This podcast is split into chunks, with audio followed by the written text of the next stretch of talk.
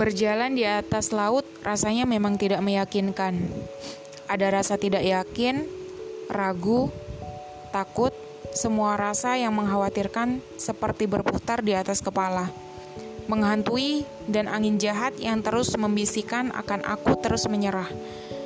Dan berbalik arah untuk tidak mencobanya. Tapi tidak. Itu bukan wujud dari sebuah mimpi. Ketika aku sudah bermimpi, aku sudah mengambil langkah itu Tak perlu menyerah, terus mencoba walaupun keadaan tidak meyakinkan.